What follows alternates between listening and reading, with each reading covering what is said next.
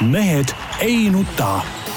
selle eest, et mehed ei nutaks, kannab hoolt Unibet, mängijatelt mängijatele.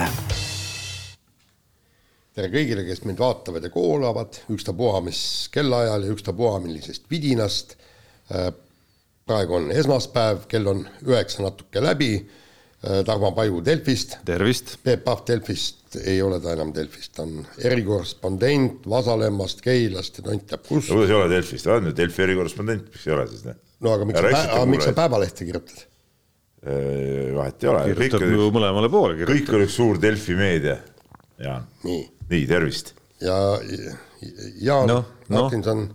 Delfist, Eesti Päevalehest, igalt poolt mujalt ja Tarmo on jälle süüdlane, et miks me peame esmaspäeva hommikul tegema. mis mõttes jälle ei no süüdlane? selles suhtes Tarmo muidugi on täiesti, täiesti äh, ikkagi nagu noh, õige süüdi jah no.. sellepärast, et äh, ei ole mõtet sõita kuskile välismaale mingi kapitalistide juurde, ütleme mingit nii-öelda tarkust saama, noh. tegelikult see on ju lihtsalt nagu, nagu puhkusereis, eks ole.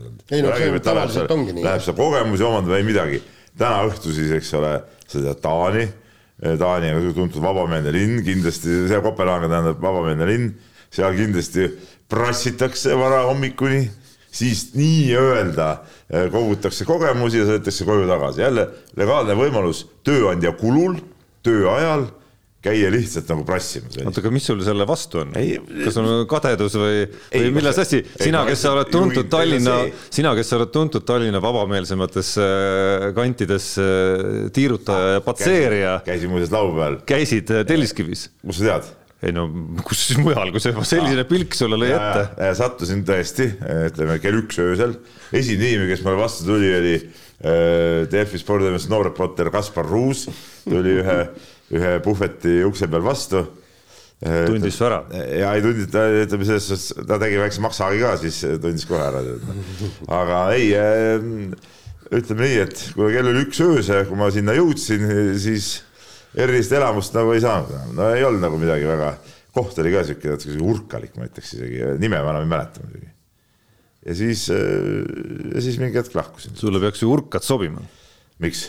No miks äh, sa No olles, olles kõige sellise moodsa, kaasaegse, puhta, kõige selle vastu ei. no kogu Telliskivi ju koosnebki ainult urgastest, siis see peakski meeles paika olema. no mulle tundub küll, et peaks olema. noh, ei kindlasti mitte. ja, ja ütleme isegi kui minu äh, tänane sõit, esiteks eeldusel, et see toimub muidugi. et ja teiseks, kui aga just raadios rääkisime, et mingid lennud jäetakse ära. Kuigi ma ei saa aru mitte midagi õues ei to- toimu nüüd. võib-olla kui inimesed hakkavad vana- teisipäeval, hakkavad teisipäeval kuulama seda, siis on võib-olla mingi ilge purgaa üle käinud. aga ma ütlen seda esmaspäeva hommiku, noh, ma, mulle meeldib lumetuisk. hommikul tõusen üles varakult, vaatan aknast välja, midagi ei ole ju noh, siis sõidan autoga, tee on ilusti puhas mõned eh, tondid muidugi, sest et raadios öeldi, et teeolud on kehvad, sõidavad täiesti korraliku tee peal kuuekümnega millegipärast, et noh, siis eh, signaal põhjast sõitsin neist kõigist mööda. Ja, ja, ja ma ei tea, noh, ootaks nagu suuremat looduse möllu. et sinu äh, piloodi nii-öelda nagu tarkus, ütleme siis lennundusse nüüd siirdudes ei näe küll põhjust, et siin põhjust. peaks mingisugune lend äh, sündimata jääma. et kui tuul on tugevam, siis seda paremini see lennuki tiibade alla ju, ju tuleb ja seda kergemini lennuk õhku tõuseb ju. Ja põhim- tuule, tuulelohet, tuulevaikse silmas lennutad, ka ei saa nagu eriti üles, aga kui tuul on, põmake üles seda. jah, pole hoogu vaja võtta. ei pole hoogu võttagi, lennuk ka võib koha pealt startida põhimõtteliselt. Pops ja Kopenhaagenis. nojah, et ühesõnaga isegi kui see on selline nagu prassimise üritus, siis sa peaks ainult takka kiitma seda. ei no ma kiidan, ma ei kiida sellest takka, et mulle, sa tead, mulle ei meeldi teha saateid ette ja linti, selles on ainuke, ainuke probleem. räägib mees, kes endiselt ei ole meistriliiga nõukogu teisipäeval kell üksteist kord kuus toimuvat üritust suutnud ära muuta, kuigi See nüüd puutu- kahe järjestikuse võidu pealt. Peebul on ikkagi võiduseeria käsil praegu ja ikkagi nagu tähtsad võidud praegu on järjest võetud eh, lähirivaalide üle, kes varsti polegi enam lähirivaalid, sellepärast et nad jäävad Keilast liiga kaugele. et, et nüüd äkki on nagu mingid trumbid juba võib-olla on nagu tagataskus, millega minna nõudma midagi, rusikaid lauale äh, taguma ma ei ole siuke nõudja mees, ma olen tagasihoidlik noormees.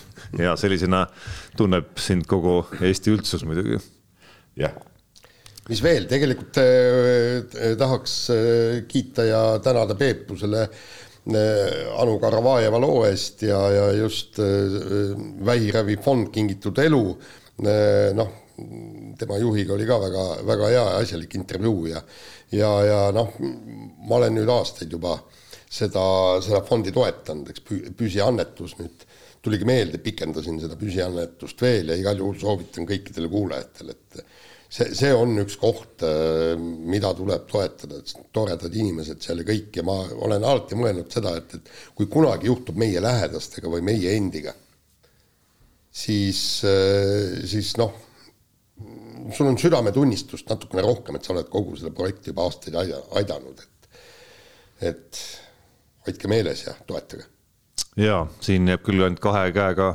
kaasa kiita sellele, natuke võib muidugi, kuidas öelda, ühiskonna kriitikaks ka seda ajada, et kui neid Toivo intervjuusid ja, ja kogu selle fondi olemust natuke analüüsida, siis, siis siin küsimusi ikkagi nagu tekib, et, et miks nii suures mahus nende elupäevade juurdeandmine ikkagi ainult sellise, sellise noh, päris uskumatu algatuse õlgadel Eesti riigis ainult seisab. mina ei saa ka sellest aru, et kuidas, kuidas saab nii olla, et, et et need ravimid ei olegi nagu tagatud nagu noh.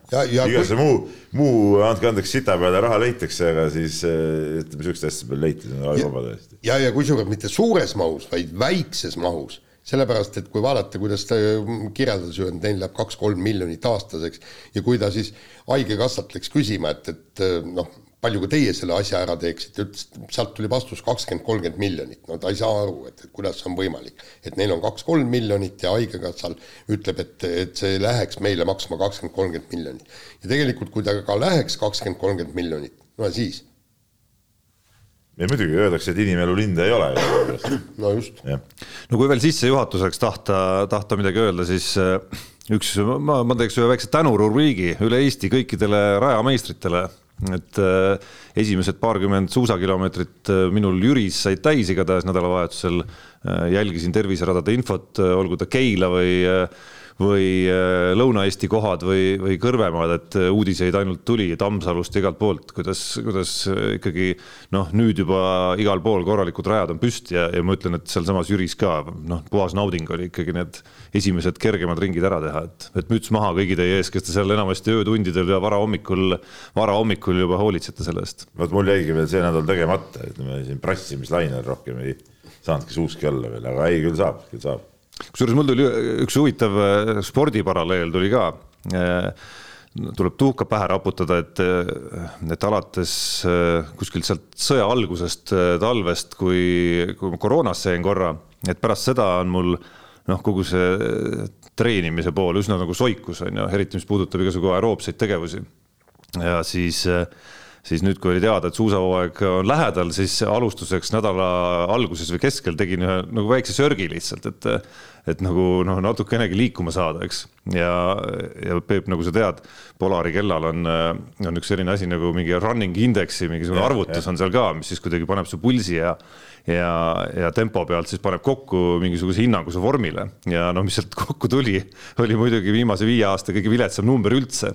Ja siis ma just, kui ma suusatasin äh, laupäeval oma esimest suusaringi, siis ma mõtlesin just nagu noh, natuke nagu noh, endasugustele, noh, meiesugustele, eks, et, et kui oluline oleks mitte, mitte selliseid lõtke sinna nagu vahele lasta üldse, eks, oma, oma elu jooksul ja juba nagu oluliselt varemast, varasemast vanusest kui, kui see, kus ma praegu olen. aga siis mul läks mõte ka nende sportlaste juurde, kes siin võib-olla tänapäeval võib-olla mitte nii palju, aga, aga siin üheksakümnendatel ja, ja mingitel aegadel seda professionaalsust minu arust või ebaprofessionaalsust oli palju rohkem, kus hooaegade vahel siis sportlased lasid nagu noh, nagu täiesti lõdvaks ja vormi käest ära. noh, tajudes seda, kuidas see laupäevane ring, no pühapäeval oli juba okei okay,, aga laupäeval oli veel nagu suhteliselt selline nagu rabe, ütleme niimoodi. siis mõtlesin just nendele sportlastele, et ja mis tasemel nemad siis kogu seda tippsporti ju harrastavad ja mis see olema peab. et kes, kes kahe hooaja vahel kuskil ennast käest ära lasevad. et, et milline tohutu raiskamine see tegelikult, tegelikult on, et ma loodan, et täna, täna on, on sportlased ikkagi oluliselt teadlikumad ja professionaalsemad. ja, ja tegelikult seal on ju asi ka see, et, et selleks, et vormi tagasi saada, seal tuleb no mõttetult palju no,. absoluutselt, no et sul läheb nii palju aega selleks, et jõuda tagasi just, et no ma olen selle läbi teinud, mul nagu selline nagu isegi see viimaste aastate spordi harrastamine, kus, kus ma olen tublim olnud võib-olla kui viimasel eelneval kümnendil, on ikkagi mingi, mingite hoogudega käinud ja siis alati on see, et jõuad mingi tasemeni, siis jälle lased tagasi ja siis niimoodi nagu võngud seal taga, selle asemel, et hoida nagu kogu aeg seda. no kogu aeg hoida on ka raske muidugi, see läheb liiga rutiiniks selline, see on probleem. nii, aga lähme nüüd oma teemadega edasi, ei, alustame teemadega. ja kolmapäeval noh, pommuudis, noh, tegelikult ei olnud väga pommuudis, oli arvata, aga Ott Tänak siis sõlmis lep-, lepingu M-spordi meeskonnaga need äh, ülistussõnad ja kiidusõnad, mis, mis seal pressiteadete vahendusel tulid, olid, olid muidugi muljetavaldavad, äh, noh, räägiti, mõlema, mõlemad osapooled rääk-, rääkisid, et, et eesmärk on ainult üks, et võita äh, maailmameistritiitel ja noh, Ott Tänak rääkis, kui, kui hea meel on tal olla kodus tagasi, sealsamas tiimis, kus ta sõitjaks kasvas. Tiimijuhid ütlesid, et, et kui tore on, et Ott jälle taas meit-, meite juurde tuli ja noh, ühesõnaga niisugune hurraa, hurraa, aga, aga noh, nüüd alles hakkab asi pihta, et, et äh, saab näha, kui hea see auto tegelikult on ja, ja kuidas see, kuidas see auto jooksma saadakse, siin on ju, mis siin on kohe jaanuari alguses, mis ta on, kaksteist, kolmteist, neliteist kuskil seal kandis vist on või? no, no selge on see, et see auto on hea ja, ja Monte Carlo ralli jaoks sobib, sest teadupärast see samasugune auto võitis võitis aasta tagasi Monte Carlo ralli, nii et, et ja, ja selle auto headuses, headusele viitab ka siis see, et kui Sebastian Loeb eelmisel hooajal paari korral võistlemas käis, siis ta eh, selle hetkeni, kui auto üles ütles, oli ju igal pool eh, tipus seal. et, et, et auto peab hea olema, küsimus selles, et kui, kui vastupidav see auto on, see on nagu, see on nagu üks küsimus, et, et ja, ja kui palju nüüd Tänakul või kui palju tiimil on ressurssi selleks et tänaks saaks selle auto enda käe järgi eh, paika timmida, noh, et, et see, see, see küsimus on, on ka õhus, aga, aga, aga tervikuna võib lootusrikkalt uuele hooajale vastu vaadata, ma arvan. No ma loodan ka ja tegelikult siin noh, ütleme niimoodi, et, et M-spordil ei jää mitte midagi muud üle, kui kui tõesti Ott Tänakule anda niisugune hea ja korralik auto, sellepärast et see viimased kolm aastat või palju neil on siin olnud pärast Sebastian Ogier lahkumist, on, on oldud ikka täiesti muda, mudas oma, omadega ja noh, juba see viimane hooaeg seal, see, see oli ikka nii, niisugune katastroof, et, et, et lase aga olla ja ja noh, nagu ma olen siin varem ka öelnud, ei ole ju mõtet põletada kolmkümmend, nelikümmend miljonit dollarit aastas lihtsalt selleks, et saada kaks-kolm poodiumi kohta terve hooaja peale kokku, eks. Et, et, et loodetavasti noh nüüd no., nüüd hakkab paremini minema ja kusjuures huvitav on see ikkagi, et noh, otseselt seda pole välja öeldud, aga ilmselt sai Ford ka asjast aru, et noh, et noh, ei ole tore ju, kui meie autoga sõidetakse kuskil nii-öelda muda tasemel ja, ja Ford väidetavalt siis käis välja Ott Tänaku palga kas siin nagu ei ole küsimus nüüd selles, et okei okay,, palk käidi välja, aga, aga, aga kas käidi välja ka ja on olemas ka see finants, et siis nagu tipptasemel nüüd äh, kõik see üksteist kuud või mis see hooaeg kestab, äh, kogu seda asja ajada, arendada, remontida, kõik, kõik need asjad? no ma arvan, et no kui nüüd selle palga niimoodi äh, osa saadi maha, et siis selle võrra ju, ju nendeks muudeks tegevusteks raha peaks nagu rohkem jätkuma, et, et noh, ükspuha, kelle nendest võtub palka, siis pead nagunii maksma, onju. et ega päris, no see, nii nad pole ju kunagi teinud, et neil on kõik sõitjad on on äh, nii-öelda raha eest sõitjad, need nii-öelda naljamehed seal, kes seal käivad või noh, nii-öelda naljamehed, eks ole. et, et, et selle võrra kindlasti ju raha, raha natuke üle, aga jah, ja ongi, ma räägin, see küsimus ongi, et, et kui palju on võimalik tegeleda Tänakul selle auto arendamisega, kui palju selleks äh, reaalselt aega on, et, et ja, ja noh, ütleme need testikilomeetrid ju tõmmati ka maha, eks ole, nüüd, aga noh, Fordil on ka oma see baas, kus nad saavad, seal peavad siis seda tööd ära tegema jaa, aga, aga sealt oli kohe näha ju vaata hooaja lõpp, kui nad ei läinud eh, ju Jaapanisse, kui ta ei läinud, ei läinud. sealt hoiti ka mitte reservi kokku, jah? jaa, hoiti kokku ja tegelikult no minu meelest oli juba too, toona see, see näitas täpselt ära, eks, et et, et tegelikult hakatakse sõlmima tippsõitjaga lepingut ja noh no eks neil oli ju ka mingisugune sõlmpunkt mõnes mõttes, et nagu sa, Jaan, ütlesid, sellisel kujul nagu seni, noh, jätk-, jätkamise asemel oleks võinud lihtsalt pillid kotti panna. sellel, sellel, sellel... sa ei, sa ei mõista selle tiimi nagu olemust, et selle tiimi olemus on ikkagi nagu kommerts, kommertsosa, ta on ikkagi eratiim ja, ja seal ju need osad sõitjad käivadki ju, ju raha eest sõitmas, pluss siis on see autode äh, väljarentimise pool, see, et see kõik see see, see muu osa saaks nagu toimida, siis see tiim peab nagu seal MM-sarjas ikkagi osalema. jaa, aga teine asi on ju see, et, et tegelikult seda autot ju tuleb läbi aasta arendada, kogu aeg teda testida, kogu aeg teda paremaks teha, on selge see, et et Greensmitid ja, ja Lubeed ei no, ole võimelised no Priin oli neil ikkagi eelmine hooaeg selle jaoks nagu olemas, et, et Priin nüüd nii halb mees ka ei ole. ei no see, ma räägin sellest hooajast. Kui Tänakut poleks olnud, kes siis on, siis oleks põhitestimees olnud, kes siis on, Lube või? ei kui nad oleks kedagi teist siis võtnud, no nii, nii ehk naa nad pidid kedagi võtma ju. no aga ei ole ju kedagi võtta, vot see ongi see, et, et laual oligi, sisuliselt oligi laual ainult Ott Tänak. ei olnud ju kedagi aga ma ei ole hästi aru saanud, mis sellest eh, lööbist nüüd saab siis. No jällegi et, jutud et ju- tulevad. jutt, no jaa, aga ma ütlen midagi konkreetset nagu täpselt ei ole nagu. ja no vot, me, mina olen kuulnud need noh, siit-sealt äh, paremalt-vasakult ja foorumitest ja sealt käib lä- läbi ikkagi jutt, jutt on praegu selles, et aetakse asju, et lööp saaks teha kaasa terve hooaja. ehk siis ta sõidaks kaasa kõik rallid. ja no., ja palga maksaks siis Red Bull. No eks siin äh, viimase kahe kuu jooksul on foorumites ja mitte ainult foorumites ja vaid artiklites ja küll, küll üks nimekam tei, kui teine ütleja igasuguseid asju rääkinud, nii Ott Tänaku kui teiste ma kohta. igast foorumeid ja asju väga tõsiselt. noh, kuigi see oleks. fantastiline muidugi rallisarjale, kui, kui lööp tuleks ja teeks täishooaja. ei, tähendab Foorumites on pluss see, et, nad viitavad ju mille, mingile artiklile, et, et kuskil ma saan aru, aga noh, neid artikleid, sa saad ise ka aru, et kirjutaks nii nagu sina kirjutad absurdseid artikleid, kirjutavad ka mõned teised väljaanded, et noh, noh, ma olen siin kogu aeg rääkinud, minu arust need täiesti mõttetud artiklid kõik ja no,, ja, ja nii on. kusjuures head Soome kolleegid veel isegi nüüd, kus äh, Ott Tänak sõlmis M-spordiga lepingu, nad väidavad, et, et Ott Tänak oli ikkagi minemas Toyotasse, ainult et seal kuskil maal mingisugune plokk pandi ette või kuskilt tekkis mingisugune ebakõla ja mille pärast Ott ei läinud sinna. noh, kuigi noh, üsna kaheldav. no Üsna sel vähe, het- jah., sel hetkel, kui tuli uudis, et Ott Tänak lahkub Hyundai'st, et, et see on nüüd ametlik, sel hetkel äh, näiteks Twitterit vaadates oli väga palju neid äh, ja need olid päris ralli ajakirjanikud, kes ikkagi nagu väga kindlas kõneviisis väitsid, et nad on täiesti kindlad, et ta läheb Toyotasse. ei noh, Oli- oli. no oli küll jah, aga ma ütlen, et et eh, noh, igast asju võib väita, seal igaüks ikkagi avaldab oma mingit arvamust, noh et, et ega ega seal keegi sulle ju seda tegelikult ju välja ei ütle, noh nii palju kui nii palju kui eh, teada on, kuidas seda rallimaailmas üldse tehnikaspordimaailmas asjad käivad, noh siis keegi sulle tegelikult seda välja ei ütle, et jah, see mees tuleb, et seal asjad öeldakse siis välja, kui tiimid need välja ütlevad, et no see on sihuke, sihuke tore mäng on see ja jõle huvitav, jõle põnev on võib-olla mõnede jaoks seda kõrvalt jälgida, et oh, üks kirjutas nii ja teine naa ja täielik bullshit.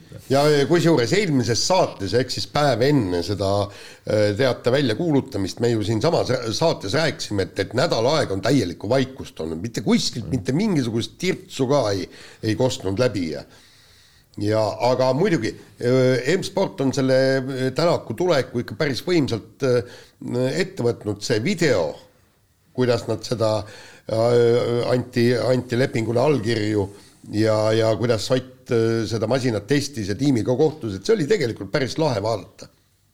et, et see näitab selle meeskonna, meeskonna sees olevat õhkkonda.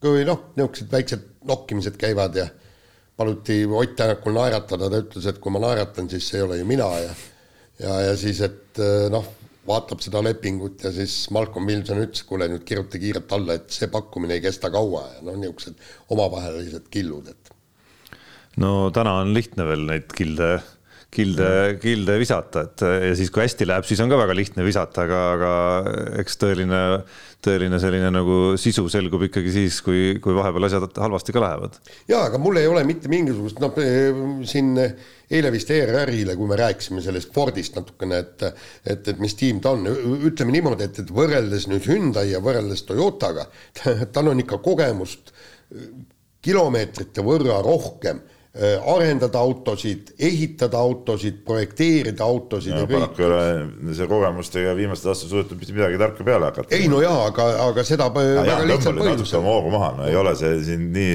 lilleline midagi, loomulikult on no ülitore, et tänaks seda läks, aga küll me näeme, mismoodi tulema hakkab siin. ette ennustada, et nüüd hakkavad, ma ei tea, mis imeasju seal tegema ja kogemust nii palju, noh, mõttetu, mõttetu jutt. no kas seda, ütleme, no me saame rääkida, et, et viimane kogemus auto arendamisel on negatiivne, eks, me räägime Hyundai'st praegu. aga äkki see oligi nagu Hyundai keskne probleem, Ott ja Hyundai ei olnudki teineteisele loodud. ja ei no seda aga kindlasti, ei seda seda kindlasti. kindlasti ja seda ütles ju Priin ka mm., kui, kui ta oli ja siis eh, Mikkelsen, mis sõitis ka äh, Hyundai'ga, vist võis kindlasti jah sõita., siis kui ta omal ajal sõitis, ta ütles, et mina ei suuda seda äh, kuidagi enda järgi seadistada. Et ei ole lihtsalt võimalik, no ta ei, ta ei kohandu minu sõidustiiliga, noh, väga lihtne. nii et tagantjärele vaadates ikkagi viga oli viga, sinna minek. mis ta viga oli? no tulemused ütlevad, et oli viga, et see, see auto, et see auto on ei olnud tema jaoks. rahaliselt kindlasti polnud viga, ma arvan. no see on üks faktor ainult. Ma ei oska öelda, millal hinnata, no sportlikus mõttes jällegi oli, on ju. nojaa, aga no samas maailmameistriks juba tulnud, et nüüd ongi vaja hinnata nagu selle järgi, et mis, mis midagi sisse ka toob. no mis variante veel on äh, Tänaku tiimikaaslastena? Ei no see ei no see ülejäänud, see See lööbi- mudru, mudru see-, mudru jääb sinna ikka nagu see lööbi. täishooaeg tundub nagu ilus unistus, aga ma ei ole kindel, tema viimaseid tsitaate vaadates sealt ei loe küll kuskilt nagu välja, et, et ta peaks tegema rohkem kui üksikud rallid. no ja, ja noh, teine, teine asi, mis räägitakse, eks, et, et tema ja ikkagi Oliver Solberg saadakse kaubale ja ja, ja Solberg siis võtab need rallid, kus lööb ei sõida ja ja nii ta on, ülejäänud autod kõik müüakse välja ja nii-öelda renditakse välja. nii ta läheb. ei no Greensmit teeb ka alles ju. ja ei, ei teeb, aga ta oma raha eest. No ei, oma raha eest, jah. selles mõttes jah Ja, jah, kõik ülejäänud peavad ise peale maksma. no nii, aga vahetame teemat, jalgpalli maailmameistrivõistlused on jõudnud ikkagi nii kaugele, kus, kus isegi alagrupi faasi suurimad skeptikud on sunnitud ikkagi nüüd telerit sisse lülitama ja, ja vaatama neid mänge. ja etendust on saanud päris kõvasti. Terendamas on meil superfinaal Horvaatia ja Maroko vahel see oleks päris hirmus. või siis, või siis äkki ikkagi Argentiina-Prantsusmaa.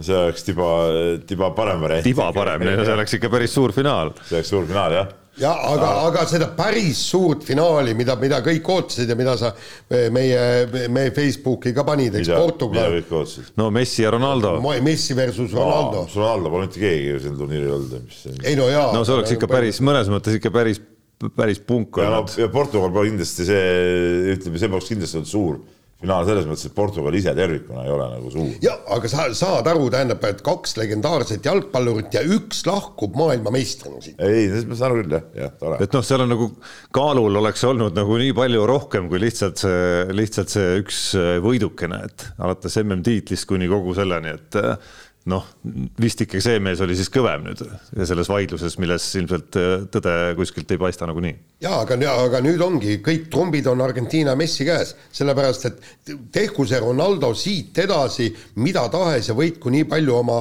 kuldseid jalgpalle ja kõik, ja, ja, ja Messi on ikkagi ka oluliselt parem, kui ta võidaks maailmameistritiitli, oluliselt parem kui Ronaldo, sest Ronaldo sel ei MM-il või ta ongi olnud oluliselt parem juba, juba praeguseks hetkeks, sellel turniiril konkreetselt, aga aga ei, aga selles suhtes, et tõesti mängud on olnud ju, on olnud ägedad, mul üks äh, veerandfinaalist jäi mul nägemata täielikult, see oli see, see oligi see Portugal-Maroko, et, et äh, seda ma, seda ma ei näinud üldse, aga aga teised mängud ma olen ära näinud päris, päris ägedad. no Portugal-Maroko, palun. aa ja tegelikult ei, tõsi, ma seda Horvaatia-Brasiiliat nägin ka ainult äh, penaltiseerijat tegelikult jah, praegu meenub.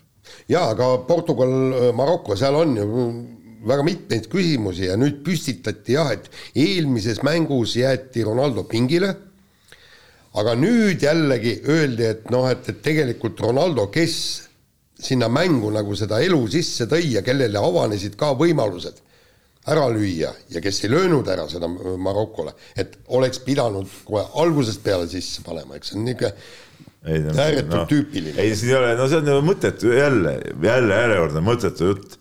mis, kes ütleb, et oleks pidanud nii ja naa, kuule eelmises mängus see vend, kes tuli ju tema asemel oli kolm kolli, eks ole, kõik, kuidas see siis. No aga- aga ei löönud seekord, ei kuidas löönud. järgmine mäng teda välja vahetati? ei no aga, aga siis oligi, vot see ongi treeneri tarkus no., Si siis paned selles koosseisu sisse, nüüd paned äh, Ronaldo sisse, teine küsimus oli, et, et kas Kein oleks pidanud minema lööma ka seda teist penalti noh, see tundub kõige absurdsem tagantjärgi tarkus minu see arust minu, arust et sul on olemas, sul on meeskonna staarmängija, meeskonna staarmängija, kes lööb esimese pendla sisse, kes ongi meeskonna põhipendlalööja, et kust peaks peaks tulema, see jalgpallistuudios käis ka arutelu pärast, et ku, kust üldse peaks tulema see, see äkitselt see, et okei okay,, nüüd, nüüd Keini vahetame välja teiseks penaltiks, noh. see tundub ei, mulle täie-, see, see tundub ei, täiesti absurdne jutt. ei ole absurdne. muidugi on, kust see, kust see mõte või kust see idee sellel hetkel, kelle peas peaks üldse tekkima ja miks? ei no sellepärast, et punkt üks, väravavaht juba e eelmise penalti pealt vaatas järgi, raalis endale pähe välja, eks, et, et mida ma võiksin nüüd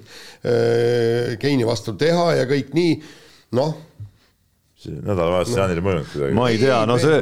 ei, ei, aga oota, oota, räägime ka tulemus, kas Keini äh, äh, panna teda teist penaltit lööma, kas tulemus oli selline, nagu oodati või ei olnud? jaa, aga seda on nii mõnus tagantjärele öelda, aga ja, kes aga oli järelikult oli vale otsus. ma tahaks, ma tahaks. kas sa tõesti kujutad ette, et, et keegi oleks teinud teistsuguse otsuse või? Tark treener. kas sul see, okei ma küsin, ma küsin. sa saad ju nii loll olla. ma küsin nii. ebareaalne nagu.. Jaan, kas sul see. oota, oota, oota. kust sul need mõtted tulevad? ei, oota, oota, oota, oota, oota, Peep, stopp, oota, oota, oota. see, et, et jätta Ronaldo pingile eelmises, eelmises, e-, e-, eelmises mängus, see oli ju treeneri tark otsus. ja oligi. jaa, aga palju neid treenereid on, kes, kes oleks Ronaldo no, pingil no,. No, klubi... Ronaldo oligi kehva. klubi tasemel, klubi tasemel ju. eelmise penalti, siis ma saan aru, et sa vahetad välja, aga, aga tuli ju sisse. see, et Ronaldo on liikunud nagu vahetusmehe rolli, seda me näeme ju klubi tasemel samamoodi, et see aeg ongi ilmselt nagu käinud natukene sinnamaale, kus, kus võib-olla ongi aeg tal nagu sellise, selline roll nagu leida, et kõik need, kes mõtlevad või pärast nüüd räägivad, kui Kein üle lõi selle, ta oli üleval, lisaks ma juhin tähelepanu, mitte ei tõrjunud, mitte ei tõrjunud väravaht seda. ja väravaht sinnapoole üldse ei hüppanudki. just, et noh, ma oleks tahtnud, ma oleks tahtnud näha seda meest äh, sel hetkel, kui Inglismaa teenis selle teise penalti, siis ütlemas seda, et siin oleks tark otsus aga no tagantjärele on väga lihtne seda rääkida. ma räägin, need on jutumehed, kõik need on sellised kuradi jutumehed, kes siukest soga ajavad suust ei, Peep, sina oled ju treener, ei ole treener või? oled ju treener, sa, sa ju paned mängijad ei no mäng... kindlasti ma ei oleks sekundikski mõtelnud siukest mõtet. platsile sa paned ju mehi vastavalt olukorrale ja, ja kõik nii no,. mis see oli see? sa oled nii, et mees, kes pani just tehnilise järel vabaka ära, siis järgmine ütleb ei, ei sina ei lähe. sa juba korra viskasid sisse, sisse., et nüüd sa viskad mööda kindlasti. ei, aga kui ta viskab mööda, siis sa tegid vale otsuse, siis oleksid pidanud panema teise mängija, väga lihtne. väga lihtne. lollakaga on saadet teha no aga on ju nii, vale otsus oli. jah, Jaan, vale otsus oli aga oleks tahtnud näha seda treenerit, kes oleks sel hetkel teinud teistsuguse otsuse, kus, kellel see mõte üldse pähe oleks tulnud. tark treener oleks teinud. täiesti absurdne jutt. jaa no okei okay,, ühest, ühest küljest jah, on, on teada see pool, Peepu me teame eriti, et see nii-öelda Tuka-Triinu lood väga ei meeldi, eks ole, jalgpalli maailmameistrivõistlustel.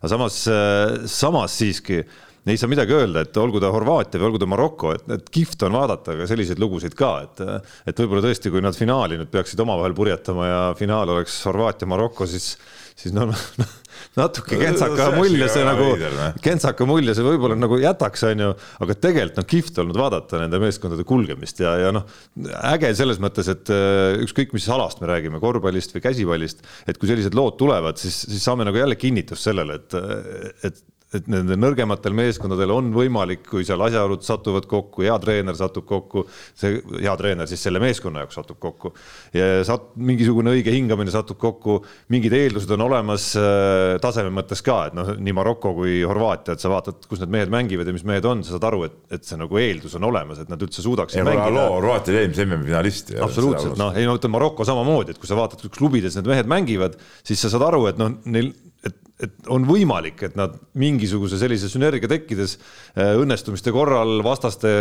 mingite pangepanemiste korral on, on võimalik, et sellised asjad nagu aset leiavad. huvitav, mis tal Pariisis toimuma hakkab selle poolfinaali ajal, et no just. et seal on ju marokolasi päris päris palju, et kes no mingi nali oli, et äh, midagi lammutatakse, küsimus on, mis, mis kohad täpselt et see võib päris karm olla muidugi, ütleme kohalikule politseile on see päris, päris korralik äh, väljakutse.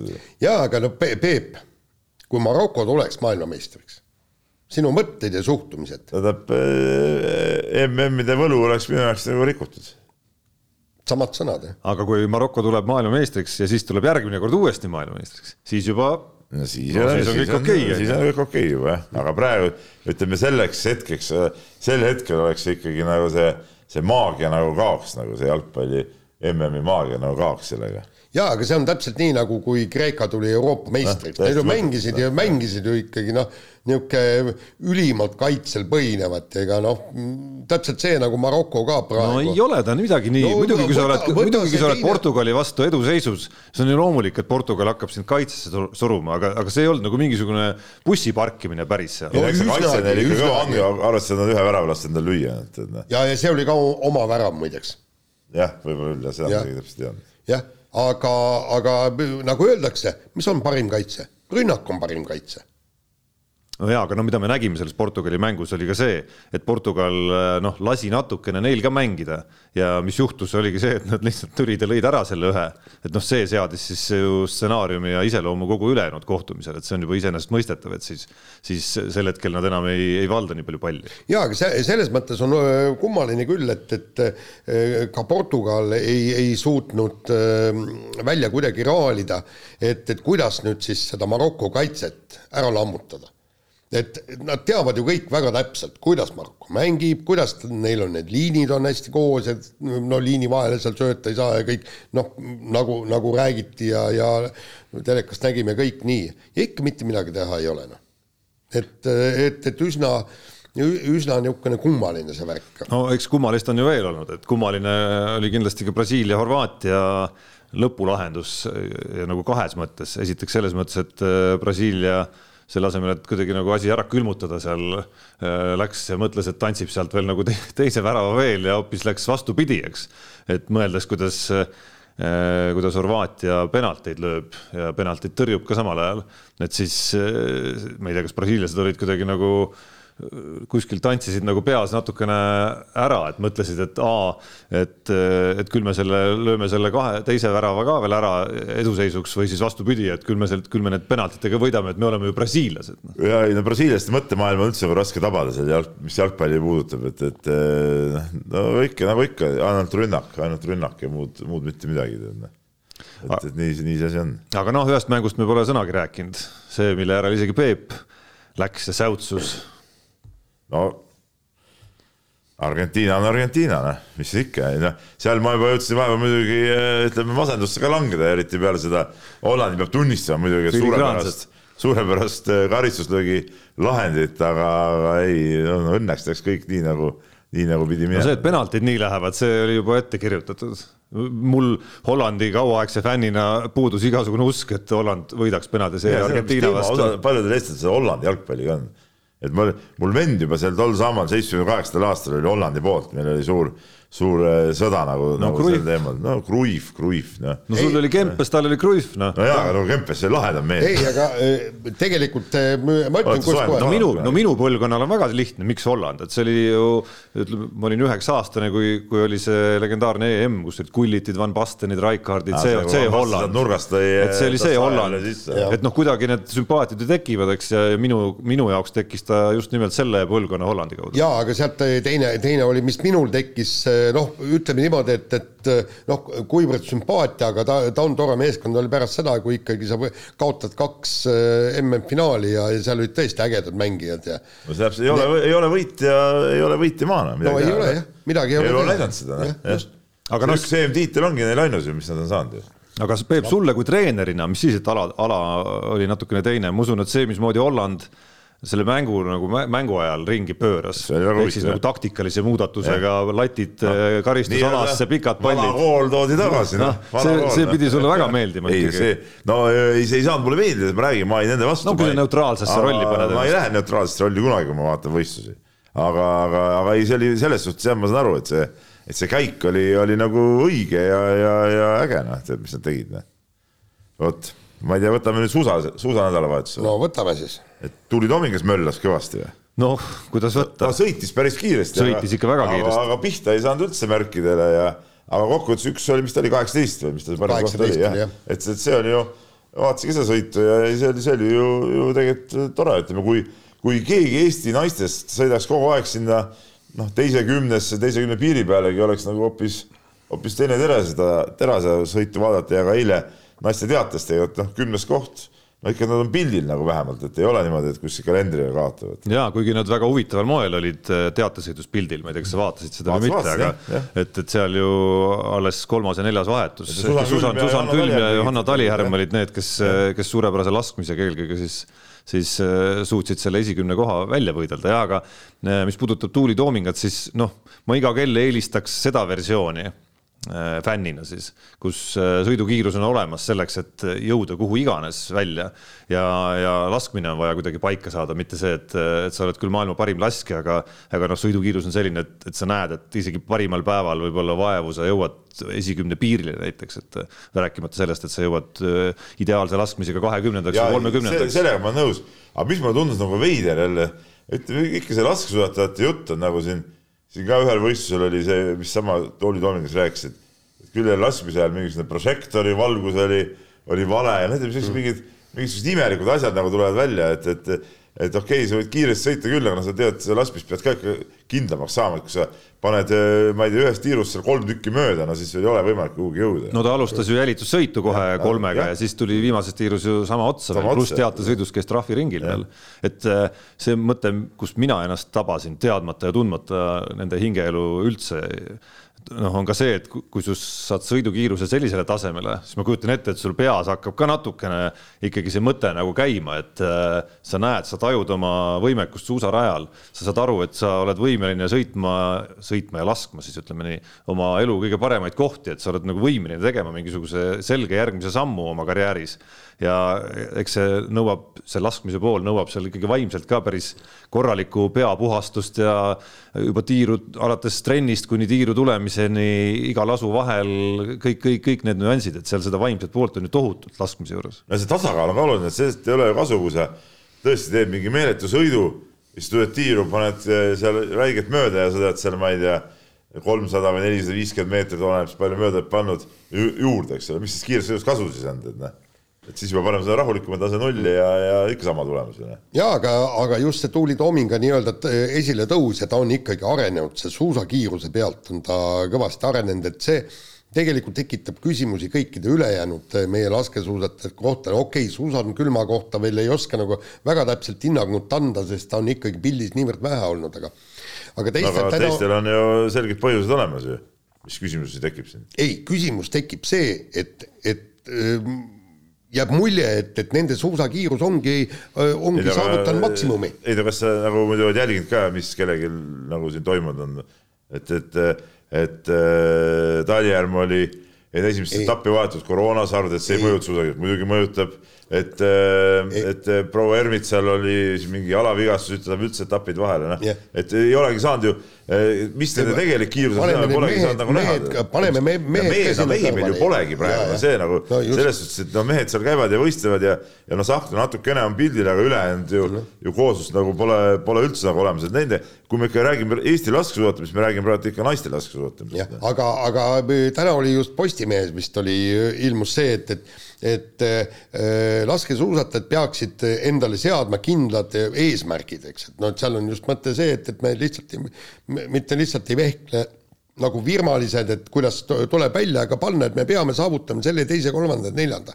ja selle pealt tuli mõte, et, et noh, et et see peab ju põhinema ka millel, millelgi, tähendab üks, mida ma tahaksin väga näha, ei oota, ma saan. ma segan korraks vahele, see sihuke jutt, see eesmärk seadmise jutt see kõlab mulle täpselt nii, nagu meie ühine sõber, seltsimees Soonvald toimetuses mõnikord mäletan nii.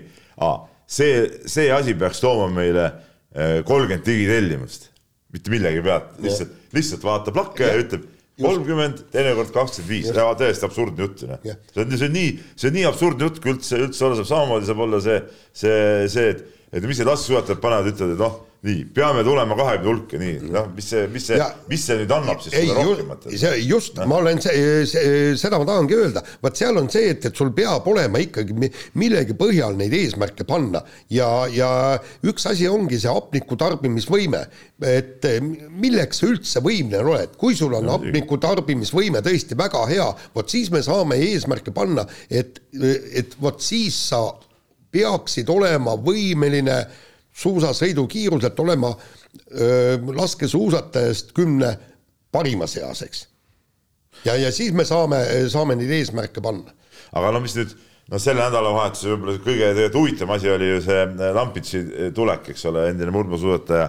Ja, ja kui vägevalt ta pani laskesuusatamist, kui ma korraks, ma ise mõtlesin, kui ma seda vaatasin teleka ees, kandsin korra üle nagu Eesti koondise, meil tuli ka Raido Ränke tuli nii-öelda murdmaasuusatajana tuli laskesuusatamisse aga no ma ei näe, et okei okay,, no pihta ta nii laseb nagu eriti püsti seal nagu kehvasti, see on nagu arusaadav, eks ole, noh, mõni ei saagi selle asjast kätte võib-olla, aga, aga ta sõidukiiruselt ka ju ei ole ju ju sihukeses konkurentsis. no ta on ei, nagu no, meie ta... omadest on ta parim. ei no meie omadest parim, aga ma mõtlen nagu. ei, aga ta nagu... oligi maailma seitsmekümnes suusataja. no jaa, aga no seitsmekümnes suusataja võiks olla siis laskesuusatajates, ma ei tea, võib-olla kümnes võib-olla. no ei ole see, ei, ei, ei ole see laskesuusa ja murdmaa vahe ju selline. ja, ja tegelikult. sa oled ju näinud ajaloos, kuidas siin no, Lars, Lars Bergerid no. käivad sõitmas ja, ja päris suusatamises, päris suusatamises isegi võitmas. ja aga, aga praegu ei ole neil niisugust supersuusatajat, aga teine asi on see, et, et no Lambitsil on ju, ta on kolm, kolme tiitlivõistluste medalist.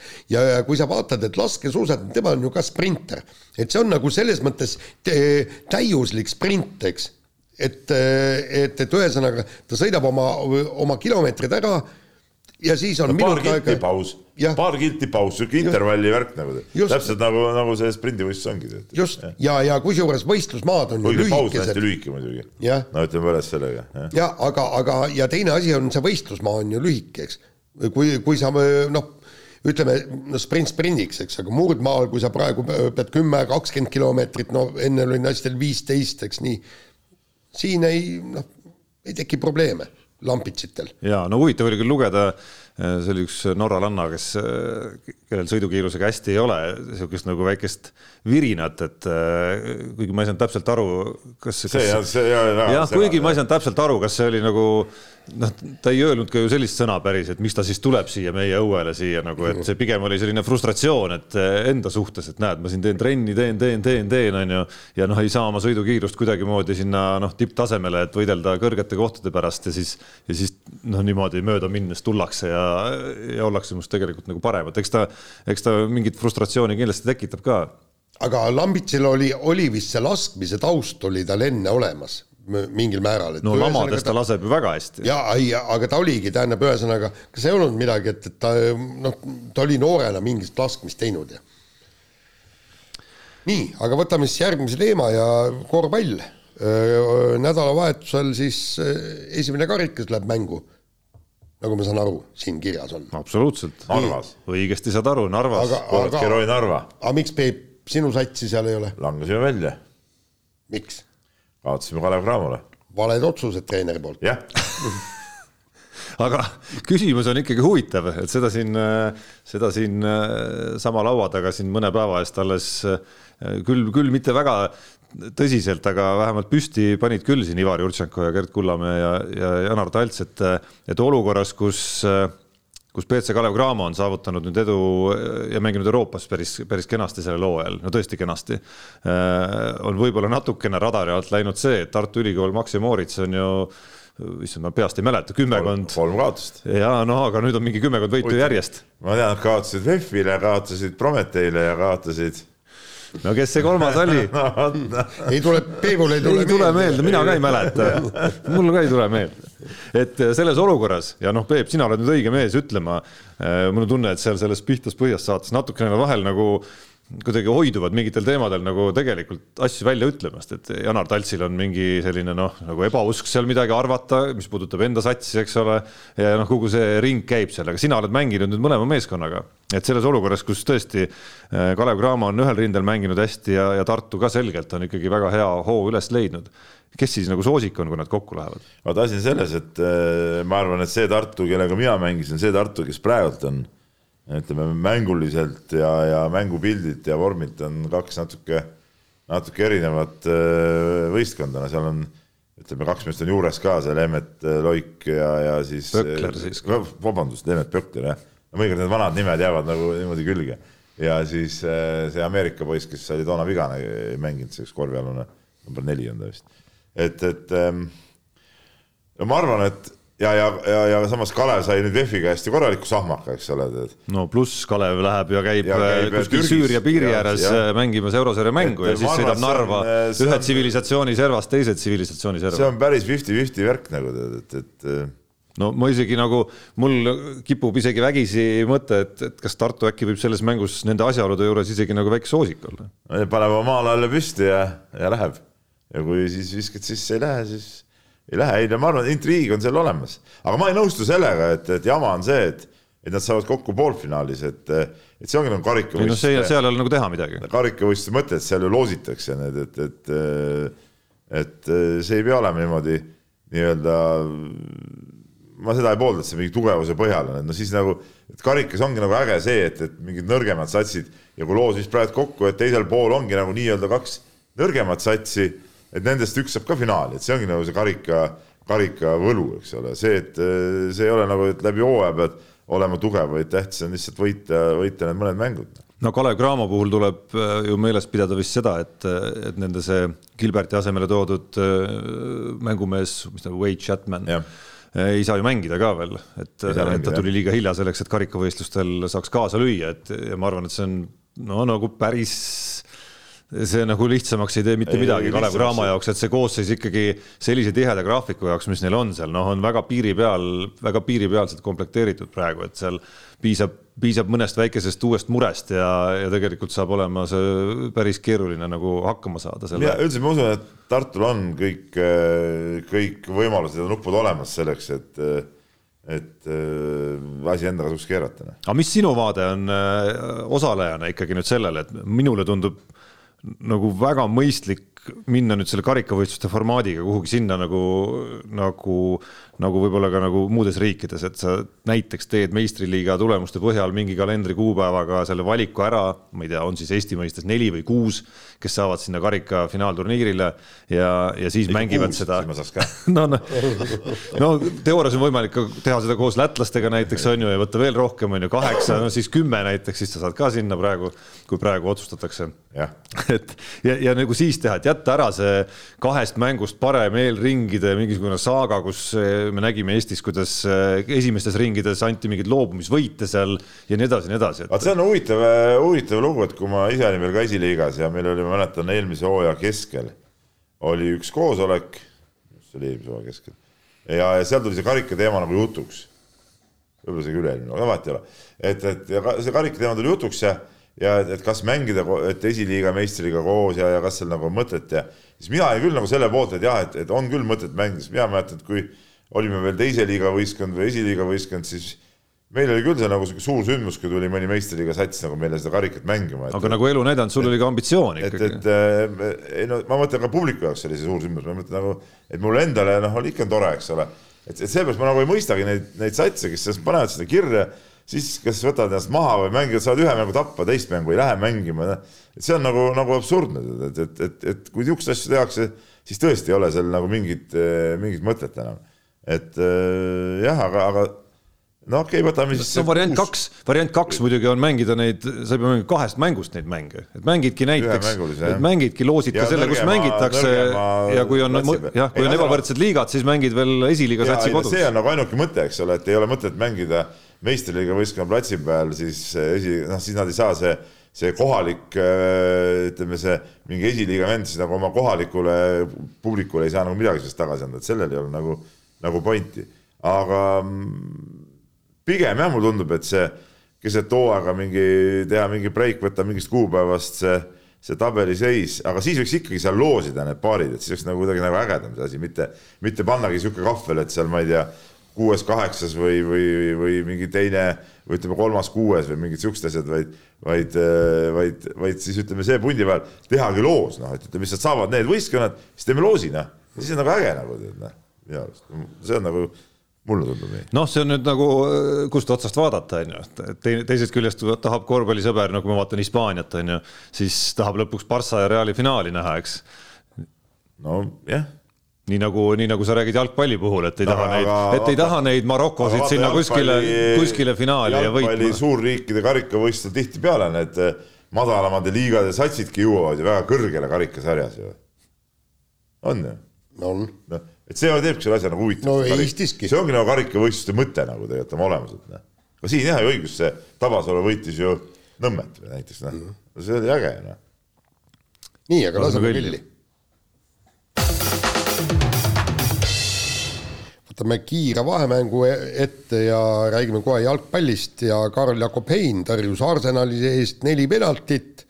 sõprusmängus siis? sõprusmängus ja, ja no minul, minul esimese asjana, kui ma vaatasin neid, ma ei tea, kas te olete näinud kõik seda, seda videot või mitte, no ja. mulle esimene mõte, mis mul tuli, tuli meelde meie enda penalti löömine Mihkel Aksaluga ja see, et no., et Karl-Jakob Hein no tegi tegelikult nüüd ikkagi, kui Aksalu ei suutnud, siis Hein tegi ikkagi isegi Peebule silmad ette. kuidas, millega? no vaata. ja ta, ta, kas ta tegi, ütleme, tõrjus paremini kui mina või? no ma ütleks, et siin juba nagu on konkurentsi vähemalt tea, ei tea midagi. ei tea midagi. et me, me võiksime siis äh, tegelikult vaata, kui, kui nüüd äh, võimalus tuleb, pakume Heinale välja, et, et vaatame. meie Jaaniga lööme äh, mõlemad lööme ei. viis tükki Heinale ja viis tükki ei, Peebule. mina võin lüüa ka, sest mina lõin muuseas ju Aksalule kõik sisse. ei no lihtsalt, et näha, kumb on kõvem värav penalti tõrjumisel. ei, ei no ja siis löövad nemad ju, Peep lööb ja siis Hein lööb Peebule ja siis öö, vaatame, aga, aga kas, kas Hein on parem kui Aksalu? vot kõigepealt tuleb see välja selgitada. no Aksalu väga, väga hea penaltitõrje no, polnud. no noor mees, las möllab. ei no nägi päris uhke välja äh,, isegi kui sõprusmängus, aga mis üldse näeb uhke välja, on see, et tundub, et äh, penalti äh, penalti löömistel hakkab nagu trendiks vaikselt saama, et, et väravavahtidel kuidagi see nagu nii-öelda nagu tõenäosus on nagu kasvanud see on päris huvitav jah, et, et viimasel ajal on päris palju neid. no vaatasid Horvaatia väravahti. jah, jah. et, et sa nagu reaalselt tajudki juba, et, et äh, see hakkab kuidagi lööjat nagu mõjutama jah, hakkab küll jah. Aga ma, mul on tegelikult see küsimus, et, et mis sellest äh, heinast ikkagi lõpp, lõppkokkuvõttes saab, jõle uhke. Jaan, no mis küsimus see on, mis sellest heinast saab? keegi ei tea, mis saab. ei oota, nagu oota, oota, ma, ma räägin, ma räägin oma jutu lõpuni, et, et jõle tore on olla seal pingi peal Arsenali ja ülikõva klubi mm, kolmas, võib-olla isegi teine mees, aga tegelikult ta on niivõrd noor mees, tegelikult peaks ikkagi rohkem no mängima praegu, kas tõesti ei saa teda laenule anda? ta käis kuskil laenul, siis sai vigastada või mingi asi oli seal. jah, et, et tegelikult tahaks teda mänguolukorras näha, mitte sõprusmängudes penaltit tõrjumas. aga vahetame teemat kuulus portaal Dirtfish võttis ette ja tegi loo Eesti viieteistkümne aastasest rallisõitjast Jaspar Vaherist, nimetades teda siis üheks uue põlvkonna lootust andvamaks rallitalendiks maailmas. kuidas kommenteerite? No tundub, et võib tulla tore poiss, jah.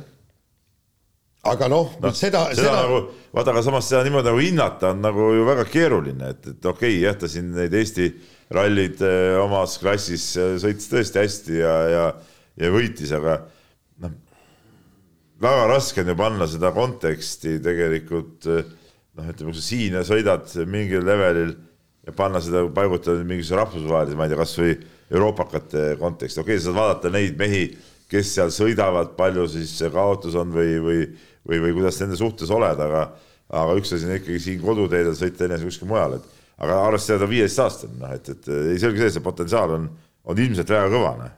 ja aga, aga ja seal. ma arvan, ma arvan, et arvestades, et, et, Dirtfish selle looga tegi, siis mulle tundub, et seal võib-olla ütleme, tema see sõit on hakanud silma ka mõnele Äh, olulisele tegelasele siin kodumaal, kes, kes selle vihje võis kanda sinna. jaa, aga noh, et, et silma peal hoida kogu maailma rallisõidul ja sealt nüüd leida, okei okay,, no seal ikka tuleb rahvusi vaadata, sellepärast et noh, vähe tõenäoline, et mingi Ungaris väga hästi sõita viieteistaastane võiks kuhugi jõuda või noh, kuigi sul on midagi Ungari vastu või? ei, mul ei ole midagi Ungari vastu, aga teine asi on see, et, et Oliver alavääristasid Ungari rallisõitu praegu Ungari rallisporti ja, ja spordisüsteemi tervikuna. no ütleme siis Ukraina, no ei Ukraina. mis sa, miks sa Ukrainat solvama lähed? ei, ei, ma ei lähe solvama, aga ma lihtsalt nii. ütlen. otsime mõni parem näide.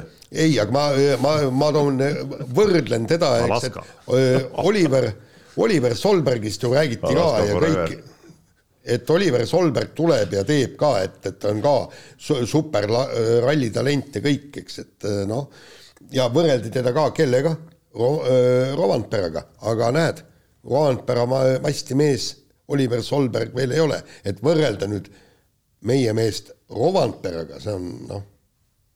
no ei, ma räägin, need võrdlused ongi siuksed ikkagi, ikkagi natuke, natuke ka meelevaldselt, aga ma ütlen, et, igal juhul no ütleme, meil nagu neid noori rallikutte tuleb peale ja, ja siin on veel, veel mehi, kes, kes tahavad äh, tippsarjas, okei okay,, üks asi on Virves nüüd, siin on veel mehi, kes, noori mehi, kes tahavad järgmine aasta nagu tõusta ülespoole, et, et selles suhtes on hästi. ja aga, aga väga tõsise artikli ju kirjuta-, kirjutati ja rääkis juttu see Andrea Adamo et, et praegu on tekkinud olukord, kus äh, noored rallisõitjad ei saagi, no põhimõtteliselt ei saagi äh, proovida, ega, ega neil ei olegi võimalik põllule, äh, põllule saada, ehk siis autosse saada. mäletad, kui Marko Märtin omal ajal tuli? lihtsalt rentisid auto, läksid MM sõitma ja, ja, ja, ja, ja ei olnud probleem, sellepärast see auto ei olnud ligilähedaltki nii kallis, kui praegu WRC üks autod on miljon, eh, miljon eurot, pluss veel see hooldus, teenindus, et see on ka meeletult kallis, eks. ja teine asi, mis ta ütles, et et, et praegu, kui see noor rallisõitja a la Solberg või, või kes seal on, saavad selle auto kätte, siis nad ei saa seda testida, neil on üks päev enne rallit test, eh, testimiseks aega. aga see noor peaks ju saama tegelikult seda testi aega üha rohkem ja rohkem ja rohkem ja rohkem, noh selle, et, et, et selles mõttes on selle pealt nad hakkavad ka sõitma, noh, ütleme noored ikkagi okei okay,, ma saan vanad mehed, noh, ütleme seal nad ei tee klassikalist sõidutrenni ju kuigi palju, aga ütleme, noored peavad saama ikkagi eelkõige need kilomeetrid, mille pealt nad arenevad, noh. et, et sa pead oma mingid kilo, sõidukilomeetrid täis saama, et sa mingis levelile jõuaks nagu,. No. no ma küsin korra niimoodi veel, et kas äh, see, et Eestis on Marko Märtin ja Ott Tänak ees, kes äh, noh, mingil kujul ikkagi noh, Marko Märtin eriti, aga, aga tundub, et Ott Tänakul ka huvi on mingite selliste sõitja või sõiduväliste teemade ja orga, nii-öelda nagu tiimitöö ja kogu sellise autode halduse ja selle osas on ju, et kas see mõnda järgmist Eesti rallitalenti võiks kuidagi aidata rohkem, kui, kui võib-olla nende enda või Marko Märtini tingimused kunagi olid? no kindlasti, sest et no ütleme, ega praegult ju Robert Virveski ju rääkis, kuidas äh, äh Tänak teda ju aitab äh, igatepidi nagu ütleme nii nõu kui, kui jõuga ja, ja, ja ütleme nende, ütleme, kui sa, kui sa nende nii Tänak, Märtin, noh, nad on nagu üks kooslus, eks ole, et kui sa nende meeste silmis ütleme, oled äh, sihuke, sihuke noor, et nendel nagu tundub, et sa võid sealt äh, tõusta üles ja nad äh, näevad endas seda, seda motivatsiooni sind aidata, ütleme siis see noh, mingit paremat, paremat väljundit või asja ei saagi ju Norra rallisõitjal olla tegelikult. ja, ja suur pluss on see, et, et neil on tegelikult oma tiim ka taga. kõik on olemas, kõik tingimused on olemas. ja, ja, ja, ja toome siia siin paralleeli näiteks äh, Markus Grönholm, kes aitab seda Jari Huttuneni, soomlast. ja praegu on, äh, meestel on, laiutavad käsi, ütlevad, et, et me ei suuda järgmiseks aastaks korralikku eelarvet kokku saada, isegi selleks, et sõita WRC kaks sarjas ja me räägime kahekordsest maailmameistrist ja ühest parimast rallisõitjast, eks ju, Markus Grönholmist kes ka üritab nii-öelda aidata, et see ei ole tegelikult väga lihtne. nii on, nii, aga lähme edasi koduse jalgpalliga ja, ja selle hooaja võib-olla niisugune suur, suur pettumus ja must lammas. FC Levadia, siis on, on äh, muutuste tuultes jätkuvalt ja, ja suur hulk äh, mängijad ei, ei jätka seal, et, et äh, Uge, Mitrovic, Podoljužnõi, Jürgenson, Antonov, Lillu, et kõik on, kõik on lahkumisel, mis nagu eriti naljakas mulle tundus, on see, et Podoljužnit, kes on ju seal aastaid äh, mänginud, siis kutsuti nüüd hooaja eel nagu uuesti testima. vist mitte ainult teda, aga, aga avalikult mängid, on läbi käinud jah, see jah, et mängijad, kes on mänginud juba Levadias. jalgpalli sellest podcast'ist. jah, et, et kutsuti, kutsuti jah. testimisse sama ja. klubisse. okei okay,, ma saan aru, treeneri staap on muidugi täielikult vahetunud, aga no, küll, aga näeb ikka päris totter see, välja. no see on ikka väga totter minu arust. ja aga, aga nüüd ongi küsimus, kus sa selle hea satsi saad, kes tahab sinna minna? Eh, kui seal on igasugused jamad, skandaalid, värgid, särgid, uus treener, kes väidetavalt äh, räägib ka ainult hispaania keelt, eks, sa ei tea seda tausta, sa ei tea, kuidas ta äh, suudab seda meeskonda üles ehitada ja juhtida, eks, et segadust on palju ja nüüd sa peaksid äh, otsustama, sa oled tõesti mängumees, tahad kuhugi jõuda, noor mängumees näiteks, kui sul on valida võib-olla siin kas minna Florasse või Levadiasse, miks sa peaksid Levadia valima? Ei noh, sul on veel valida Nõmme ja Paide ja, vahel ja Paidegi on siin ju Nõmme Unitedi mängijaid suutnud värvata endale, et, et sa ei, sa konkureerid siin kolme klubiga vähemalt. jah, miks sa pead minema Levadiasse? küsimus ongi see, et eh, eeldatavalt võib-olla hea palk on see, mis sind motiveerib. noh, aga noh no., et, et selge see, et seal tead ohumärgid on nagu üleval, et kuule, me räägime, see hea palk, seal on see nii-öelda hea ja keskmise palga vahe on see sedavõrd väike, et mõistlik inimene ikkagi valib need arenguvõimalused, selle asemel, et võtta viissada eurot rohkem. no seda küll, jah, nii, aga võtame järgmise teema ja äh, noh, noor reporter Märt Roosna või, või mitte nii väga noor reporter Märt Roosna viskas äh, õhku. praegu võib öelda noor kaastööline. noor kaastööline jah, kena intriigi ja, ja mis tegelikult, kui hakata mõtlema, siis aga miks mitte. et me oleme harjunud, et Eesti. ei no täiega udujutt. aasta sport, ootad aasta sportlase valimisel on ikkagi kõik olümpiaalad, medalistid, kõik ta-ta-ta ja pakub välja, et, et miks ei võiks olla naiste hulgas parim äh, kettagolfar Kristin Tatar, kes, kes on tõesti, ta on maailmameister, ta on valitsenud seda ala maailmas nõus ja lihtsalt. Äh, seda veel alal, mis noh, ütleme, millega tuleb nõus olla, et tõesti pargisõidust, freestyle'i pargisõidust on tegemist siiski nagu suurema alaga tegelikult noh, suurema alaga, mis mõttes, on no nagu... alates äh, kandepinna mõttes, harrastajate mõttes äh, ja ka ma arvan, et maailmas sa leiad kettagolfi või diskgolfi võistlustel käijaid oluliselt rohkem kui freestyle'i no, pargisõitjaid no,. see ei ole mingi näitaja, noh, siis me mingid, ma ei tea, sõudjad võiks kohe ka välja jätta, sest et nelja paadiga sõudjaid maailmas noh, on, on veel vähem, eks ole, võib-olla.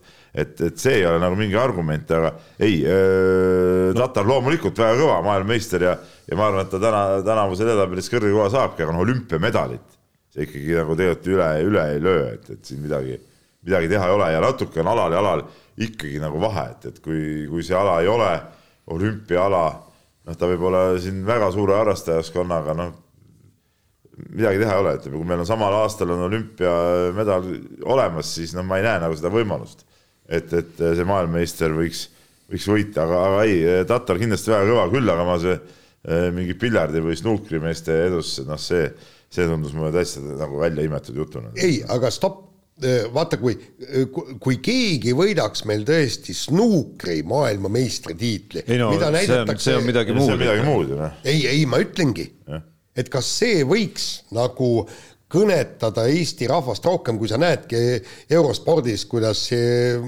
vend paneb seal kõikidele suurtele staaridele ära. no jaa, aga see ei olnud ju. ei, ei ole, ei, ei, see ei ole jah et noh, et, et Petrov on oma nina nii-öelda pistmas küll sellesse maailma ja, ja, ja ühe ägeda võidu on siin ju hiljaaegu saanud ka, aga noh, tegelikult noh, on ta seal ikkagi nagu nii-öelda eelringi mees veel, veel esialgu. jah aga selle saatuse lõpetuseks rubriik Nädal Keilas loomulikult äh, ei saa ka olemata olla meie, meie igas saates ja tuleb tõdeda, et Peep on teinud ikkagi Eesti korvpalli ajalugu kui kaks võitu nädalas on nii mõnigi võistkond ja treener suutnud varemgi kätte saada, siis seda, et äh, sulle määratakse tehniline viga, nagu juhtus siis Kalev Audentese mängus äh, Peebule, aga see viga pööratakse ümber, et äh, oli tehniline, aga enam ei ole. vot sellist asja ma tunnistan ausalt, ei ole näinud. Või... olen korvpallielus päris palju vaadanud no ma olen ka päris palju vaadanud, ma ise ei ole ka näinud, aga, aga see oli absoluutselt õige otsus kumb oli õige otsus? sulle anda või? annulleerida ah., sest see oli antud nagu ütleme, ütleme tuulepäiselt äh, kohtuniku poolt nagu asjaoludesse mitte süüvimata ja, ja, ja ütleme, see oli mõistlik, et äh, peakohtunik selle nagu tühistas sinu sõnade peale siis nagu või kas ta kuulas nagu mõlema, et kuidas see oli? ei, ei, seda, seal olukord oli ju nii, et seal kõigepealt see üks kohtunik vilistas minu silmis nagu absurdse vea, ma pöördusin peakohtuniku poole, et, et äh, palun, väga viisakalt, palun, kas tuleksite siia, siis üks kohtunik tuli sealt, midagi hakkas seal, et, et mis, midagi seal küsima, ma ütlesin, et ei, et ma ei rääkinud praegu sinuga, et tuleb selline, siis noh, sealt tuli nagu see tehniline nagu, et, et umbes, et ma ei tea, mis ta siis mõtles, eks ole, aga noh, tegelikult oligi, ma, peakohtunik juba sai aru, et, et ta, ma teda kutsusin ja siis ta tuligi, ütles ja, ja ei, ta kutsus mind ja rääkis minuga, tead, siis, et kas peakohtunik kuulas ära nagu mõlemad pooled ikkagi, et ta kuulas Küllap... sinu versiooni ära ja kuulas Küllap... ka selle tuulepäise kohtuniku versiooni ära. või piisas või ta uskus sind lihtsalt, et, et siin tehti ebaõiglust? ei, ta nägi, et ma teda kutsusin, sellepärast tuligi. ei, et aga tehnilist, et, et küsis ka, et, et kuule, miks andsid Peebule tehnilise no,. seda ma ei tea, mis omavahel rääkisid, mina seda ei kuule, aga see oli absoluutselt õigustatud tühistamist, see oleks olnud üks absurdsemaid, teistpidi absurdsemaid tehnilisi, mida üldse võib saada nagu ei, kuulan huviga ikkagi, mida, mida see hooaeg kõik veel tuua võib. ei, aga äh, kujutad ette, nüüd, nüüd hakkavadki, tähendab, kui kas mõni mängija või, või, või keegi treener saab tehnilise vea, siis kutsutakse kohe peakohtunik ja, ja siis proovitakse ka välja kaubelda no., sellepärast et, et juhtum on juba olemas noh, eriti just, kui sulle ei anna tehnilist eh, peakohtunik, et annab ja. keegi ülejäänud kaadrist, ülejäänud ka, keegi kahest kohtunikust. ei tea, aga seal nagu, seal ei olnud nagu olukordagi, mille eest anda, selles oli vist asi. no kus see peakohtunik selles nüüd nagu täitsa kindel sai olla, uskus sind lihtsalt? ei no ta oli ju no ta oli ju suhteliselt lähedal juba, noh, ta oli nii kaugel kui see kaamera minu arust. no aga äkki sa ütlesid, okei okay,, ma saan, aru, et sa ütlesid sinna. kohtunikule nagu se, sellele tuulepäisele kohtunikule, ütlesid, et, et ma ei räägi üldse sinuga, et ma kutsusin ju peakohtuniku enda juurde, onju. ja selle eest siis anti sulle tehnilise, nii. aga võib-olla lisaks sellele, et sa ütlesid, et, et ma ei räägi üldse sinuga, noh, koma käis sinna veel mingi, mingi sihuke. žest ei käinud midagi, noh, see, see ongi see asi et siin ei käinud midagi, noh, see täiesti, see oli täitsa absurdne olukord, igatepidi see oli absurdne olukord, noh. aga noh, nii see läks, õnneks mängukäikusega ei mõjutanud üheski suunas. Noh. ei no tubli nädal iseenesest. ei saa nuriseda, jah. laseme kõlli Unibetis saab tasuta vaadata aastas enam kui viiekümne tuhande mängu otseülekannet. seda isegi mobiilis ja tahvelarvutis. Unibet, mängijatelt mängijatele. nii. Nonii nädal ennustamist on selja taga ja, ja nii, ja nii nagu ma eelmises saates lubasin, kohe pärast saadet jäime Peebuga veel siia, eh, kuna jutt, jutt jäi korvpalliteemadele, siis oli see kenasti meeles ka.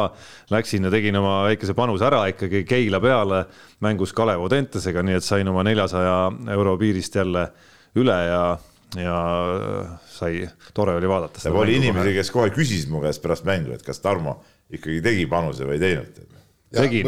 järgmises mängus. rikastub sinu arvel on ju. järgmises mängus kahjuks ei, ma kahjuks ei rikastu, õnneks ei rikastu selles mõttes, et see võidusumma, kui see peaks äh, ju meenutan, läheb ju heategevaks otstarbeks. aga kuna ma teadsin, et see panus tegi, siis ma tundsin kohe endale seda nagu seda võidu kohustuse painet nagu tead, seda, seda tarmukamat ma seda, sedama tehnilist viga nagu annuleerimist seal nagu eest nagu võitlesin. ahah, sellepärast sa. sellepärast jah no selge, selge jah. ei tahtnud sind alt vedada. noh, nüüd oleks, no mis nüüd häda on muidugi see, et, et Peebu võistkond on nii hästi mänginud, et mängus Tarva vastu oli vist koefitsient üks koma kaks või midagi sellist, et noh, see ei ahvatlenud enam. oleks kõik otsast. pannud sinna mängu, siis oleks saanud ikka midagi teha.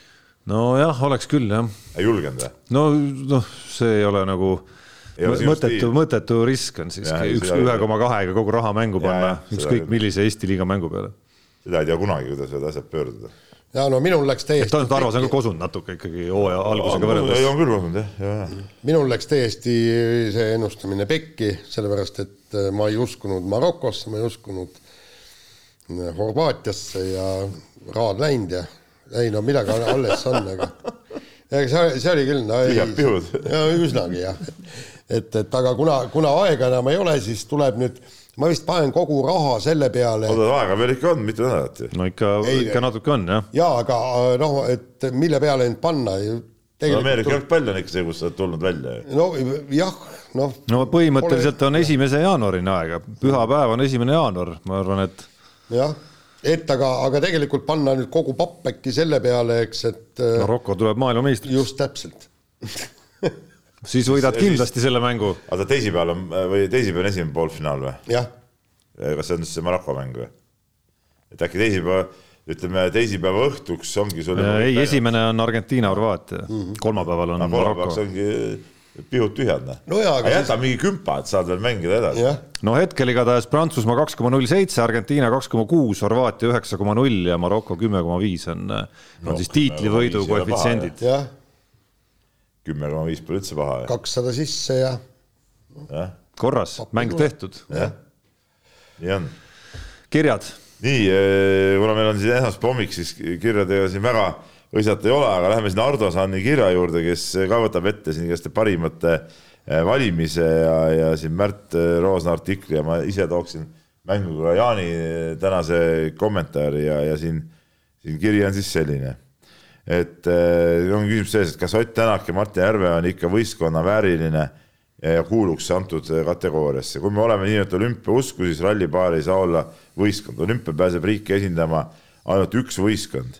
esiteks siis uisutamise paaris sõit või jäätants, samas ka suvealadel, kus võisteldakse mõnedel aladel paarilisega, näiteks lauatennis, tennis ja nii edasi. seal esindab riiki mitu paari et millal paar muutub võistkonnaks ja millal mitte. päris huvitavaid loogikaid oli siin sees jah. ja, ja. noh, teoorias meil saab olla klubisid äh, näiteks meistrivõistlustel, kes, äh, keda on meil ju üheksa näiteks isegi Eesti meistrivõistlustel, kõik on võistkonnad ei, kõik on võistkonnad jah. Keila ja Kalev Cramo saavad ka mõlemad olla, olla nagu pretendendid aasta võistkonna tiitlile. kas sa annad meile hääle, vot sinna saab ju panna ise ka juurde. ja aasta treeneri valimisel ka, Peep, ma saan aru, et ega kuna hääled on avalikud ka, siis, siis ei saa isegi nagu öelda, et oi, ma andsin, on ju. aga, aga muidugi selle, selle rallis on nüüd selle, ütleme noh, Tänaku ja Järveojaga probleemi ei ole, eks noh, et neil seal mingit segadust ei ole, eks, et aga võtad kasvõi selle Robert Virvese case'i, eks, et eh, noh, pane, ta peaks kindlasti nominentide hulgas olema ikka juunioride maailma. no absoluutselt, no loomulikult Nii, peab olema. no aga, aga nagu ma kirjutasin, et milline tiim siis, kes ta on siis, kas kaardilugeja Leskiga või kaardi tema, seda saab ainult individuaalselt panna siis. panna praegu. just, ja aga, ja, ja seal oli see. ei saa panna. ja, ja te, te, teine näide, see WRC kolm sarja maailmameister, et kaardilugeja tuli maailmameistriks ja, ja, ja piloot ei tulnud. no kuidas sa paned siis, tähendab, ühesõnaga sa kuulutad nad välja, et aga teisel oli vastupidi, piloot tuli ja kaardilugeja ei tulnud. nagu, ja, ja, ja, ja kuidas on see, et, et kui kaardilugeja on maailmameister ja sa kuulutad välja, et, et umbes WRC või kolm sarjas teise koha saanud, kuidas teise koha, ta on maailmameister ju jah, jah. aga küll aga eh, juhib, ütleme siis natukene iseenesele teadmatult Ardo Sand tähelepanu Peep ju selles suunas, et, et kui sa siin eh, Kristin Tatari puhul nagu ütled, et, et pole olümpiaala, et see, mis kus, kus ta seal Kelly Sildaru konkureerib, et ega Järveoja Tänakul ei tohiks nagu ka varianti olla. ei no see nagu, see on teine asi, vaata ralli on ralli, noh ralli on ikkagi võib-olla isegi tähtsam kui olümpia mõnikord eestlaste jaoks, noh. et, et vot siin me peame nagu aru saama, mis on nagu mis, noh. et, et ma ütlen veel kord, mul on Tatari selle MM-tiitli üle väga hea meel ja, ja diskgolfi ma käin ise ka aeg-ajalt viskamas. et, et see on, see on tore tegevus ja, ja, ja, ja ma ütlen kindlasti, kui lähme, läheb meil oma hääletamist, ma kindlasti panen ta hea koha peale, aga, aga olümpiamedalit ta üle ei võta. selles on point. Noh. ja üks on kindel et äh, see kettagolf võiks saada olümpiaalaks ja kindlasti ei, ei tohiks olümpiaala olla mingi breiktants. Ei no seda nagunii jah, aga no jah, ma ei tea, aga ma rääkisin ühe orienteerujaga, vaata, meil oli siin ükspäev äh, juttu. Ja, ja, ja siis äh, ta kinnitas seda, et orienteerujad ise ei taha seda. Ja, ja, ja seal on ka veel tekib nagu hästi palju seda ebavõrdsust nagu, mis puudutab kõik seda radade, radadega tutvumist ja, ja seda, et, et kes, kes ja kus saab seal võib-olla mingid rajad nagu pähe õppida, kes ei saa ja, ja mingi sihuke väga, väga keeruline värk, et tahetakse hoida ikka võimalikult nagu lihtsana seda ala. kas seda praegu ei ole siis või?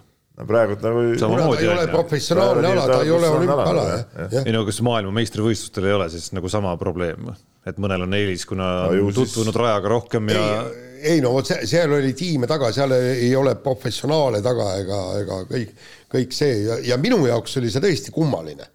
minu jaoks oli kummaline, kui ma käisin siin äh, EM-il või mis. minu jaoks ka see jutt nagu ei päde tegelikult, sest et olümpia on olümpia ja minu arust iga ala, kes tahab vähegi tõsiseltvõetav olla, peaks olümpiale. ei, aga nemad on pürgima. metsa, metsarahvas, nemad no, tahavad, et no vot on, no, no aga. aga tehku siis äh, linna orienteerumine, noh. metsas ei taha orienteeruda no aga on ka neid toimunud. väga lihtne, ei ma mõtlen olümpial, noh. väga lihtne või mingi kunstlik rada või, saab ju teha küll, igast asju saab teha no ma mõtlen, et see rahvalik orienteerumine saab ju kenasti alles jääda, isegi kui tekib sinna, isegi kui see tipp läheb nagu tõsisemaks. see on nagu maratonijooksus, see on ju rahvalikku maratonijooksjad on ju, on ju väga-väga palju ja siis eh, mingisugune hästi kitsas seltskond on, kes siis käib professionaalina neid maratone jooksmas. nojah aga on nii, nii nagu on. jah. nii, nii., aga sellega paneme saate lukku ja vaatame ka, kuidas Tarmo äh, täna siis lennukiga suudab siit ära lennata suurtes tuisuvaaludes ja tuulehoogudes. välja võib-olla ongi mingi tuisk umbes ju. ei pääse kontorissegi võib-olla enam. just, ja igal juhul kuulake meid järgmine kord. mehed ei nuta saate tõi sinuni Unibet, mängijatelt mängijatele